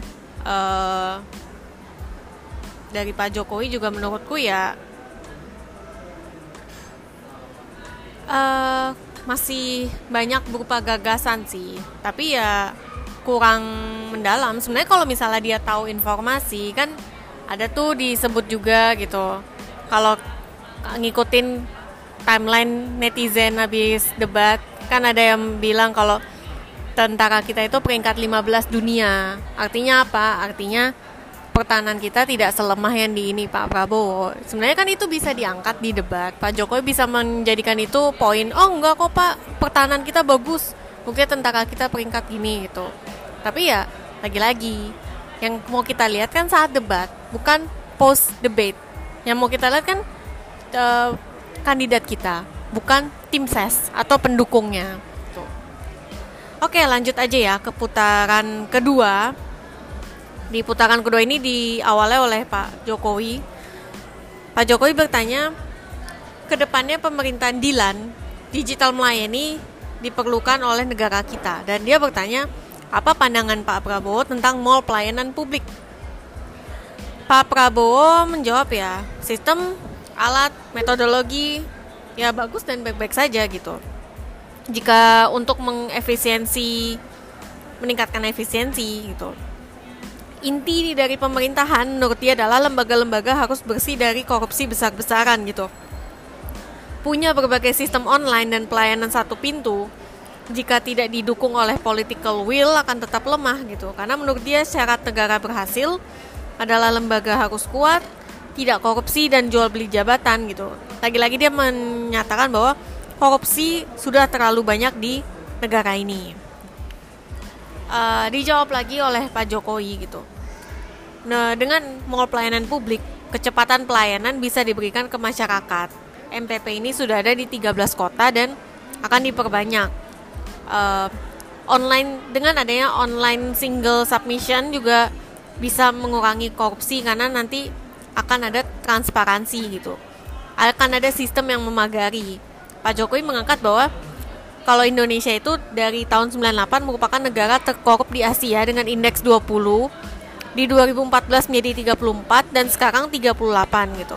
Artinya apa? Ada perbaikan terus menerus gitu. Dengan sistem yang baik dan cepat, korupsi juga akan terus turun gitu. Ditanggapi lagi oleh Pak Prabowo gitu. Uh, dia setuju bahwa korupsi emang harus diatasi dengan sistem akan mendukung dan memperbaiki itu gitu. Dan dia mengangkat bahwa adanya uh, distrust pada elit dan pemerintahan karena niat yang diucapkan tidak sesuai dengan pelaksanaan. Contohnya, uh, bocor di mana-mana gitu. Surat-surat dari pejabat untuk penggunaan aparat dalam membantu kontestan pemilihan gitu. Kepala desa masuk penjara gitu. Dengan sistem sebaik apa pun, jika tidak ada will, maka dikhawatirkan distrust ini akan bertambah. Uh, Menurut kamu gimana? Oke, okay, mm, menurut aku satu mungkin contoh pertanyaannya. Aku lebih senang gimana Pak Jokowi memberikan pertanyaan, introductionnya. Bahkan aku lebih senang daripada pertanyaan panelis kayak itu. Gimana introductionnya langsung cepat dan langsung straight to the questionnya kayak gitu. Pengantarnya tidak bertele-tele. Tapi ada hal yang kurang di sini. Ketika ngomong mau pelayanan publik, harusnya juga Pak Jokowi memberikan sedikit gambaran terkait apa sih mall pelayanan publik karena aku awalnya ngomong apa ini ntar bentuknya kayak satu pintu kayak mall itu tapi isinya government semua yang ada yang mau ngurus pajak ada yang mau ngurus surat izin usaha ada yang mau ngurus apa paten misalnya di satu rumah yang mana udah lintas kementerian. Atau lain lagi di situ juga ada tempat misalnya shopping atau tempat apa itu yang saya nggak paham ketika ngomong mall ini. Maksudnya bagus pertanyaan introduksinya bagus malah saya bilang sedikit kurang dalam menjelaskan atau ketika tadi menjawab atau memberi tanggapan terkait jawaban Pak Prabowo ya. Beliau kan me, lagi tuh mall pelayanan publik tapi kurang dijelaskan konsepnya dia itu semacam apa sehingga itu mengawang-awang. Karena kalau kita baca terkait apa namanya eh, ngomongin terkait korupsi dan tujuannya tadi membuat pemerintahan yang cepat dan transparan dengan sistem yang elektronik kayak gitu sehingga sedikit tangan uh, yang ter tercakup atau di di di, di involve uh, ya memang itu tujuannya tapi konsepnya atau bukan konsep ya program ini sendiri gambaran realnya aku kurang paham kayak gitu. Ah, bentuknya semacam apa? Akan lebih bagus kalau ditambah sedikit saja satu atau dua kalimat narasi terkait si mall pelayanan publik ini sendiri kayak gitu bentuknya gimana? Karena saya nggak pernah dengar mbak Novi pernah dengar nggak? Uh, pernah dengar, tapi aku nggak terlalu tahu maksudnya uh, apa konsepnya gitu. Dan ya aku setuju kalau memang perlu di pertanyaannya bagus straight to the point tapi perlu ditambah sedikit tentang apa sih mall pelayanan publik itu dalamnya. dan kembali ke per- apa jawaban dari Pak apa namanya Pak eh, Prabowo dia mengkritis eh, maksudnya dia setuju tapi menyisipkan suatu kritik ya gitu bahwa efisiensi itu satu hal eh, yang apa namanya memang harus dibenahi dengan teknologi ya bagus kayak gitu tapi teh- saya tidak bisa melihat program teknologinya Pak Prabowo itu semacam apa tapi yang di- dimunculkan oleh dia adalah kritik bahwa sebenarnya eh, tadi masalah itu masih ada dan ditambah ada masalah distrust ini terhadap pemerintahan kayak gitu. Jadi kalau distrust itu eh, tidak dibenahi karena tadi banyak yang apa Si korupsi terus banyak jual beli jabatan. jual beli jabatan, banyak apa aparatur desa yang didaya gunakan untuk memenangkan calon, kata salah satu calon. Itu membuat distrust makin bertambah kayak gitu. Sehingga yang dibutuhkan adalah will kayak gitu. Tapi lagi-lagi ya maksudnya will yang semacam apa ya, Pak? Kayak gitu loh. Maksud saya oke, maksudnya itu penegakan kayak gitu. Tapi Pak Prabowo harusnya mau lebih ngomong spesifik terkait will yang semacam apa. Hanya keinginan, hanya kemauan kayak gitu. Terus program Bapak terkait teknologi itu gimana? Setuju atau nggak setuju? Kayak gitu. Kalau setuju ya baik-baik saja. Lantas bapak bisa menawarkan apa yang lebih baik daripada itu? Dari sisi teknologinya misalnya kayak gitu kan? Atau dari sisi eh, pelayanan publiknya. Kata bapak tadi mengampuskan yang namanya korupsi. Bagus semua setuju kayak gitu. Terus caranya gimana? Will yang semacam apa yang harus ditunjukkan? Kayak gitu. Jangan lagi kembali ke retorik lagi kayak gitu. Bentuk realnya lagi-lagi Eh, mungkin dari aku sih itu sih pandangannya Eh, mungkin lanjut ke pertanyaan ketiga aja atau Mbak Novi masih ada tanggapan Eh, enggak, aku nggak ada tambahan lagi karena ya memang eh, Pak Jokowi kurang elaboratif dalam pertanyaannya. Maksudnya, aku yakin nggak semua masyarakat juga tahu kok MPP itu apa, mall pelayanan publik itu apa. Nggak semua orang pasti tahu gitu. Jadi dia perlu lebih elaboratif lagi dan Pak Prabowo juga ya masih banyak sebatas retoris gitu. Oke lanjut ke putaran ketiga dari Pak Prabowo eh ini aku mengquote dari Pak Prabowo aja ya. Tugas pemerintah utama adalah melindungi bangsa. Ada satu hal yang merisaukan di banyak warga. Dalam suatu tinjauan strategis tentang core national interest, sedikit di negara di dunia mengizinkan pelabuhan atau bandara dioperasikan oleh asing. Eh, dia khawatir jika semua dioperasikan oleh asing, suatu saat kepentingan nasional tidak cocok bisa ditutup. Pemerintahan terlalu banyak mengizinkan uh, pihak asing untuk beroperasi. Pertanyaannya apa? Tidak ada pertanyaannya. Itu hanya pernyataan. Dan uh, Pak Jokowi terlalu baik, jadi ditanggapi. Dia bilang Pak Prabowo ini terlalu khawatir. Keterbatasan anggaran mem- karena keterbatasan anda- anggaran itu makanya perlunya adanya investasi gitu. Eh, tapi dia menegaskan bahwa dia tidak akan memberikan kedaulatan sedikit pun gitu. Investasi kan juga oleh perusahaan bukan negara. Misalnya untuk hal-hal yang sangat strategik, contohnya pembangunan alutsista, radar, radar maritim itu memang harus hati-hati dan dengan adanya investasi ini gitu kan eh, Indonesia tetap terlibat contohnya dalam manajemen dan dalam hal controlling ali- alias berpartner gitu. Dia menyebutkan contoh eh, dengan pemerintah memiliki saham Freeport sekarang 51%, bisa ikut mengelola tambang. Dan ditanggapi lagi oleh Pak Prabowo, uh, dia mengangkat lagi keterangan bawahan dari Pak Jokowi banyak yang tidak tepat gitu. Karena kalau berdasarkan pengalaman dia, strategi perang, bandara dan pelabuhan adalah masalah strategik dan kepentingan nasional, bukan hanya masalah ekonomi dan dagang gitu. Dia menyebutkan fakta bahwa Bung Karno membuat angkatan perang terkuat di Asia Tenggara gitu. Jadi Pak Prabowo sangat tidak bisa terima jika bandara atau pelabuhan dikelola oleh asing gitu. Dan masalah Freeport memang kita sudah 51 persen tapi menurut laporan di New York Stock Exchange, benefit 81% ke mereka.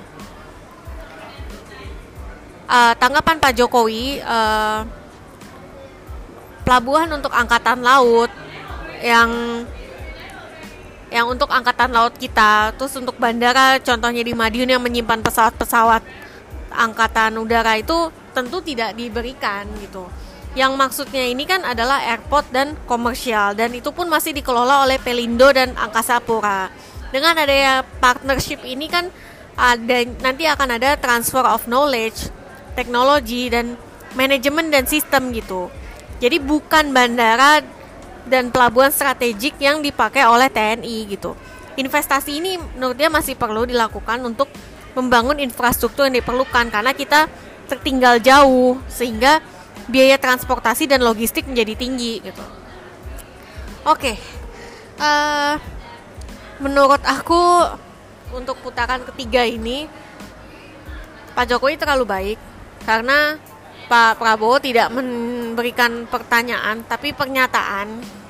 Jadi dia mengemukakan fakta, tapi ya udah nggak ada pertanyaan gitu. Kalau aku jadi Pak Jokowi itu nggak akan kutanggapi. Jadi aku akan nanya balik. Jadi pertanyaan bapak apa gitu tapi ya sudah sudah ditanggapi begitu. Uh, kalau aku lihat sih tensi apa ya tensi dan emosi di sini agak naik karena Pak Prabowo sangat tegas bilang e, saya kami tidak terima gitu. Menurut kami menurut dalam perang itu bandara dan pelabuhan itu wajib hukumnya kita kuasain. Kita mati menjaga itu pak gitu. Bagaimana bisa ini dikelola oleh asing gitu sih. Uh, tapi ya Pak Jokowi juga menjelaskan bukan bandara-bandara strategik tapi kan bandara komersial. Dan itu masih dibutuhkan gitu. Menurut kamu gimana? Oke. Menanggapi poin yang disampaikan Novi tadi dan debat yang berlangsung sebenarnya itu putaran ketiga ini adalah apa namanya uh, kulminasinya kayak gitu dari ke, di bagian Prabowo adalah gimana ketidakmampuannya beliau dalam memformulasikan pertanyaan. Mungkin terlalu semangat memberikan introduction atau pemaparan masalah, yaitu malah lupa memformulasikan pertanyaan yang sebenarnya pendek aja bisa kayak gitu. Karena di pertanyaan pertama pun it's just like pertanyaan yang aneh menurut saya. Gimana tanggapan terkait briefing? Yang kan yang pertama formulasinya pertanyaannya kayak gitu yang kedua eh, pertanyaan di putaran ketiga ini yaitu pertanyaan kedua Pak eh, Prabowo sama sekali tidak mengucapkan pertanyaan karena sibuk memberikan pemaparan masalah. Beberapa orang akan melihat hal itu malah jat, jatuh seperti ngedumel ya terkait masalah yang ada kayak gitu. Tapi nggak ada formulasi pertanyaan dari permasalahan itu. Padahal bisa hanya bagaimana tanggapan bapak kayak gitu. Ya kan, tapi ini in absence of some question questioning sentence atau sentences. Tapi ya Pak Jokowi mungkin baik atau tidak tadi ya skill debat bukan bukan seorang pendebat lapangan kayak gitu. Jadi uh, ya udah dijawab gitu dan menunjukkan bahwa terlalu khawatir semacam itu. Dan meluruskan karena yang di dari pemaparan masalah atau ngedumelnya Pak Prabowo tadi kan terkait tadi pelabuhan kok dipegang oleh swasta gitu gitu tapi pemahaman ini bukan diambil alih ini investasi yang didepankan. Lagi-lagi uh, oleh Pak uh, Jokowi coba memberikan gambaran yang namanya uh, apa nama budget constraint. Ya kan? Dan investasi kayak gitu. Bahwa anggaran terbatas tapi banyak hal yang bisa kita boost up beyond frontier kayak gitu. Caranya adalah investasi dan apa namanya private partner partnership dan pengelolaan bandara atau pelabuhan komersial oleh negara lain banyak juga dicontohkan di negara-negara lain di Eropa misalnya kayak gitu yang saya tahu banyak di negara-negara Eropa itu yang ada apa namanya uh, ada investasi dari Cina. Cina juga banyak infrastruktur selain di Afrika juga di beberapa negara di Latin Amerika. Bahkan di Amerika pun banyak investasinya. Tapi saya nggak tahu ya kalau di port atau bandarnya yang investasi siapa gitu. Tapi yang di Eropa setahu saya di Rotterdam atau Al Al Al Gesiras saya lupa antara dua itu. Uh, tapi memang ada sumbangsih asing kayak gitu dan itu best practice yang terjadi di luar negeri kayak gitu jadi itu yang ingin didepankan Pak Jokowi tapi Pak Prabowo nggak setuju hal itu dia setuju bahwa semua harus dipegang domestik kayak gitu karena melihat bahwa dulu waktu berperang itu harus diutamakan mempertahankan uh, apa namanya organ institusi atau alat vital negara kayak gitu seperti uh, pelabuhan, airport, uh, hospital hingga persimpangan jalan kayak gitu, train station sorry. Nah, tapi lagi-lagi ini konsepnya adalah apakah semua harus dipegang domestik? Kalau misalnya bisa dipegang domestik, berikan pemaparan bahwa Pak ini bisa dipegang domestik dengan cara demikian dan tetap maju kayak gitu. Caranya gimana gitu? Karena tadi benar dalam debat itu nomor satu menguasai masalah kedua bisa men menawarkan program sehingga kritik untuk melengkapi hal itu kayak gitu jangan hanya sekedar kritik jadi dalam hal ini lagi-lagi ini bentuk ngedumel uh, tapi program kerjanya saya nggak kelihatan. Malah di sini Pak Prabowo, Pak Prabowo banyak ngomongin terkait ininya apa namanya kekritikannya dia kayak gitu. Uh, mungkin Mbak Novi ada tambahan? Ya dan again apakah fakta yang dia bilang bahwa jika zaman perang pelabuhan dan bandara wajib dikuasai itu masih relevan dengan kondisi sekarang kan menurutku enggak. Jadi kan ya sekarang kan pelabuhan dan ini kan kita banyak untuk komersil kita sedang tidak dalam situasi perang jadi ya lagi-lagi ini kemampuan debat gitu untuk memberikan contoh yang uh, apa ya koheren ya istilahnya jadi Ya, untuk apa Pak fakta itu dikemukakan sekarang? Kan itu tidak relevan. Kita tidak sedang perang. Itu sih menurutku. Itu poin yang bagus banget yang disampaikan Mbak Novi. Dan saya hanya mengelaborasi lebih dalam ya. Dalam artian ketika perang, uh, mungkin ya dulu saat yang terjadi adalah perang kayak gitu. Jadi memang disasar supaya uh, apa namanya objek vital itu lumpuh. Sehingga kalau perdagangan nggak ada airportnya nggak ada pelabuhannya nggak bisa masuk kapal-kapal nggak bisa bersandar sehingga lumpuh kayak gitu. Sekarang dipikir kalau emang perang pun mereka tetap bisa menyasar hal itu dong. Ngerti nggak maksudnya? Bisa tetap bisa dirudal kayak gitu. Itu adalah ngomongin terkait pertahanan bukan dikuasain asing atau pengelolaan kalau dia hanya dikelola kayak gitu even suatu negara bisa bertindak tangan besi ketika force major happens yaitu mengkonfiskate mengambil alih dalam keadaan khusus dan sangat mendesak. Tetap bisa gitu. Ngerti nggak maksudnya? Jadi kalau ini ada investasi asing atau enggak satu jawabannya objek vital tetap bisa diserang ya kan? Jadi kedua kalau semuanya pemerintah tetap bisa ambil alih kalau force major happens. Mengkonfiskasi mau negara lain atau global nanti mempergunjingkan uh, tetap itu jadi apa namanya tetap bisa dilakukan. Sehingga kayak kalau saya ngeliat kayak gitu kayak poinnya Pak Prabowo itu kayak nggak menjawab pertanyaan atau fakta yang ada kayak gitu. Jadi uh, jawabannya kalau pertahanan pertahanan. Tapi yang ngomong ini tuh aneh. Dan satu hal lagi yang terkait Freeport kayak gitu. Disangka kan yang sudah dibeli itu kan eto-eto kayak gitu. Katanya udah 51% tapi masih 81% walaupun di banyak uh, pos uh, debate ngomong bahwa itu 81% di New York Stock Exchange adalah before di buyback sebelum di buyback oleh Indonesia. Tapi lagi-lagi kita nggak tahu fakta yang mana. Cuman ya tadi yang saya mau kedepankan ya udah nggak perlu juga da, apa pendukung Pak Jokowi me, serius meneriakan hoax kepada Pak Prabowo sebagaimana ketika Pak Jokowi salah data. Misalnya just salah ngambil data aja kayak gitu menurut saya.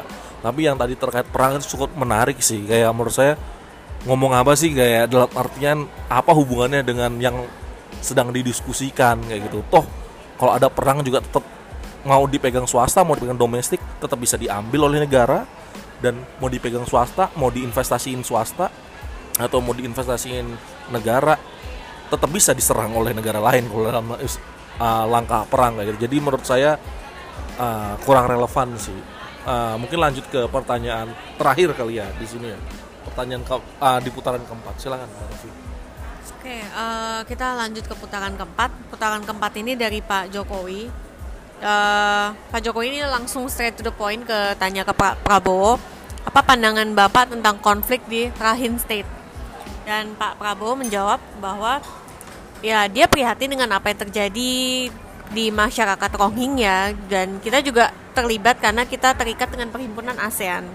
Dan uh, jika PBB sudah menilai ada kemungkinan untuk genocide ada atau ethnic cleansing akan akan jadi masalah yang mengusik. Sehingga kita perlu meyakinkan Myanmar untuk menghentikan perlakuan tidak adil ke Rohingya gitu. Tapi dia juga mengatakan gitu. Tapi Indonesia juga akan selalu dinilai gitu. Jika di Indo masih banyak yang kelaparan atau miskin, kok kita mau ngajarin negara lain gitu ya? Paling kita cuma bisa ngasih saran dan peringatan. Hal ini ditanggapi oleh Pak Jokowi konflik Rakhine State itu dia sudah lama dan sulit mencarikan solusi. Dan menurut dia Indonesia diberikan kepercayaan oleh Sekjen PBB untuk menjembatani supaya ada tim bisa masuk untuk melihat kondisi di sana. Dan uh, sehingga Indonesia itu juga berperan dalam memberi bantuan mencarikan solusi untuk para pengungsi mendesak pemerintah Myanmar untuk segera menyelesaikan repatriasi dan mulai memberikan hasil gitu. Sehingga ke depannya mungkin proses-proses menjembatani ini akan diperankan untuk ikut perdamaian dunia. Dan lagi-lagi Pak Prabowo mengangkat jika hanya sebatas mediator atau nice guy untuk mendamaikan ya tidak masalah gitu. Tapi dia menyebut bahwa Indonesia ini tidak dihormati di luar. Ya negara kita hutangnya banyak mata uangnya lemah import makan rakyat sebagai rakyat biasa ya tidak dihormati di ASEAN dan wartawan asing juga di Jakarta karena menurut mereka ya Indonesian will always be a country with great potential gitu. Jadi ya dia akan berjuang supaya Indonesia itu dihormati, kuat, sejahtera rakyatnya dan tidak akan import makanan dari luar negeri. Nah, uh, aku mau komentar aja ya gimana ya bingung juga sih aku sebenarnya mau komentar. Kamu dulu deh. Ini agak ya membingungkan memang setuju. Kayak dalam hal ini uh, ditanyain tanggapan terkait konflik uh, Regenstein uh, Pak Pak Prabowo mengungkapkan bahwa uh, apa namanya ya as Asian countries itu memang apa yang harus involve kayak gitu kan. Terus tambahnya adalah dia tadi menghormatin kedaulatan negara lain walaupun kita juga berdiplomasi semacam itu. Kemudian hmm, itu adalah masalah apa namanya? Uh, kita kita tentu mengkritisi menolak yang namanya kejahatan kemanusiaan ucapan beliau. Tapi lagi-lagi kita harus Indonesia itu harus dicek uh, apa namanya uh, kondisinya atau bobotnya kayak gitu. Kalau kita masih lapar ya atau banyak kemiskinan gimana mau di orang look up for Indonesia kayak gitu. Ya iya maksudnya tapi lagi-lagi itu kan batas retorika lagi kan per, apa namanya argumen retoris yang dikeluarkan kayak gitu. Dan tadi pengeluaran pertanyaan ini ya tadi mungkin Pak Jokowi tidak memberikan introduction atau apa atau memang sengaja di, di sebenarnya ditujukan untuk uh, testing kayak gitu menjebak kayak gitu karena nggak menjelaskan Regenstein dan Pak Prabowo langsung uh, menanyakan Regenstein Myanmar kayak gitu artinya ya beliau bisa menjawab kayak gitu di Myanmar. Beliau tetap meng, Pak Prabowo tetap meng, meng, mengkutuk yang namanya kejahatan kemanusiaan. Tapi lagi-lagi instead of solusi-solusi apa dia lebih inward looking dulu Indonesianya harus dibenahi harus diperbaiki caranya gimana. Lagi-lagi itu yang menjadi misteri. Lagi-lagi ngomong terkait apa namanya kita dilecehkan eh, bukan dilecehkannya dianggap remeh oleh negara negara tetangga ya hal-hal semacam itu yang terus dikedepankan eh, tapi melihat program kerjanya sendiri untuk meningkatkan kesejahteraan masih masih pertanyaan besar kayak gitu. Jadi menurut saya ya sebatas itu. Eh, kalau dari Pak Jokowi ya tadi memberikan andil bahwa ya tadi kita sudah berdiplomasi kita sudah mengambil andil besar di perdamaian dunia mungkin tentunya semacam itu. Tapi menurut saya ya memang agak aneh sih maksudnya debat ini nggak pernah dari pertanyaan awal panelis sampai terakhir nggak pernah sifatnya mendebat secara langsung terkait substance yang sedang dibahas tapi lari ke mana-mana selalu kayak gitu nah, itu sih pendapat saya silakan mbak Ya, uh, aku setuju sama kamu. Uh, pertanyaan Pak Jokowi straight to the point, tapi ya apa? Mungkin kurang elaboratif. Jadi bisa, menurut aku, aku setuju. Jadi apa bisa jadi dia bertanya memang pengen tahu pendapatnya atau sekedar testing? Nih orang ngerti nggak tentang Rakhine State? Makanya Pak Prabowo naik kebalik yang di Myanmar kan gitu ya. Uh, lagi-lagi ya dia mengutuk apa yang terjadi di sana tapi ya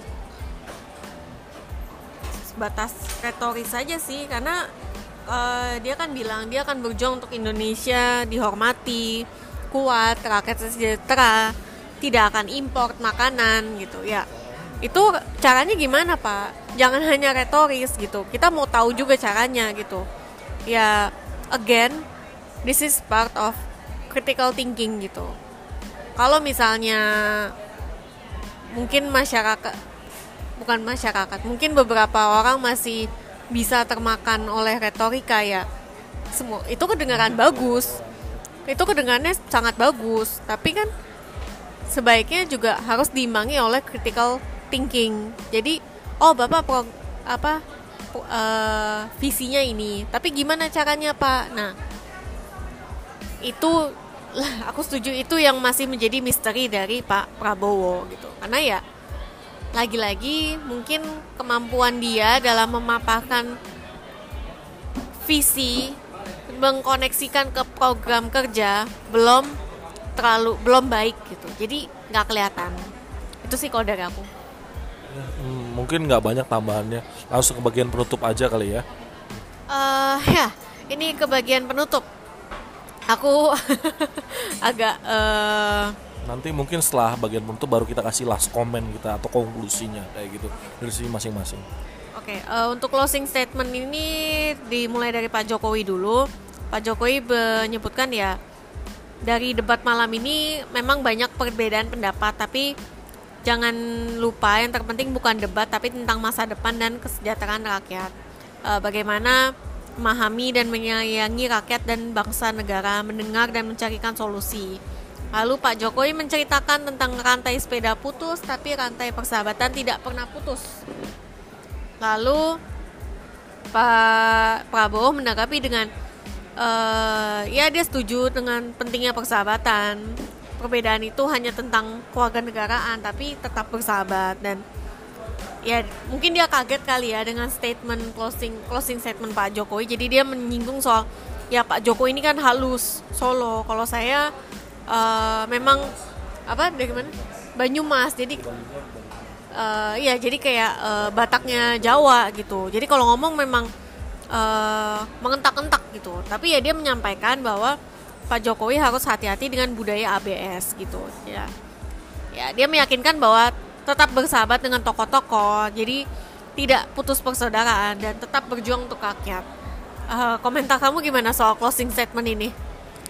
Oke cepet aja mungkin uh, dari closing. Aku langsung aku langsung menggabungkan ya dari closing statement pandangan terakhir closing statement dan juga uh, overall summary dari semuanya itu konklusi aku tuh gimana? Kalau dari closing statementnya cukup aneh menurut aku karena uh, setuju cukup aneh karena apaan sih? Kok aku, kalau aku ya kalau aku ngeliatnya kayak kok kayak ya udah emang debat itu ya wajar perbedaan pendapat gitu. Kenapa harus diangkat gitu? Kok kayak maaf ya kok kayak baper sih? Ya udah aja gitu loh chill. Iya jadi kok ya itu tadi sifatnya adalah ya namanya debat emang perbedaan kayak gitu. Dan kita mencari mana yang lebih make sense. Bisa ngomongin program bisa mengimplementasikan gagasan hingga implementasi program. Semua terarah dan terukur kayak gitu. Uh, kalau ada perbedaan wajar gitu. Tapi mungkin itu yang didengung-dengungkan yang bersahabat atau yang diinginkan beberapa bagian masyarakat. Jujur bukan saya mungkin uh, kalau saya tetap debat ya standnya state, closing statement adalah uh, konklusi dari uh, poin-poin atau kerja kerasnya selama ini kayak gitu. Dibandingkan oleh pihak lawannya yang harusnya ditunjukkan tidak atau kurang kayak gitu. Tapi lagi-lagi ini kan lebih merangkul aneh aneh banget ngomongin uh, rantai sepeda yang pun atau apa mau nunjukin persaudaraan. Padahal ini ya tadi kan terkait ideologi dan semacamnya uh, seperti itu. Terus kalau saya lihat uh, Pak Prabowo juga kebingungan ketika diberi closing yang semacam itu. Dan dia juga menanyakan ini closingnya gimana ya? Kok agak ngebingungin atau aneh kayak gitu? Dia juga ngerasa aneh. Which is memang bukan most ideal closing yang pernah ada gitu. Tapi langsung konklusi aja kalau saya. Saya itu melihat bahwa uh, dalam hal ini saya harus mengakui Pak Jokowi itu hmm, lebih paham subject matters. Dia paham tentang kerjanya dan dia berhasil menunjukkan beberapa kerja nyatanya atau hal yang baru dia ciptakan kayak gitu. Cuman downside-nya tadi dia kurang bisa menyerang atau memainkan kata-kata dan berdialektika kayak gitu. Uh, sehingga tadi kurang mendebat sifatnya. Tapi karena dia kekuasai subject matters atau apa namanya tentang kerja nyatanya dia dia bisa mendefense berbagai macam uh, pertanyaan atau tanggapan.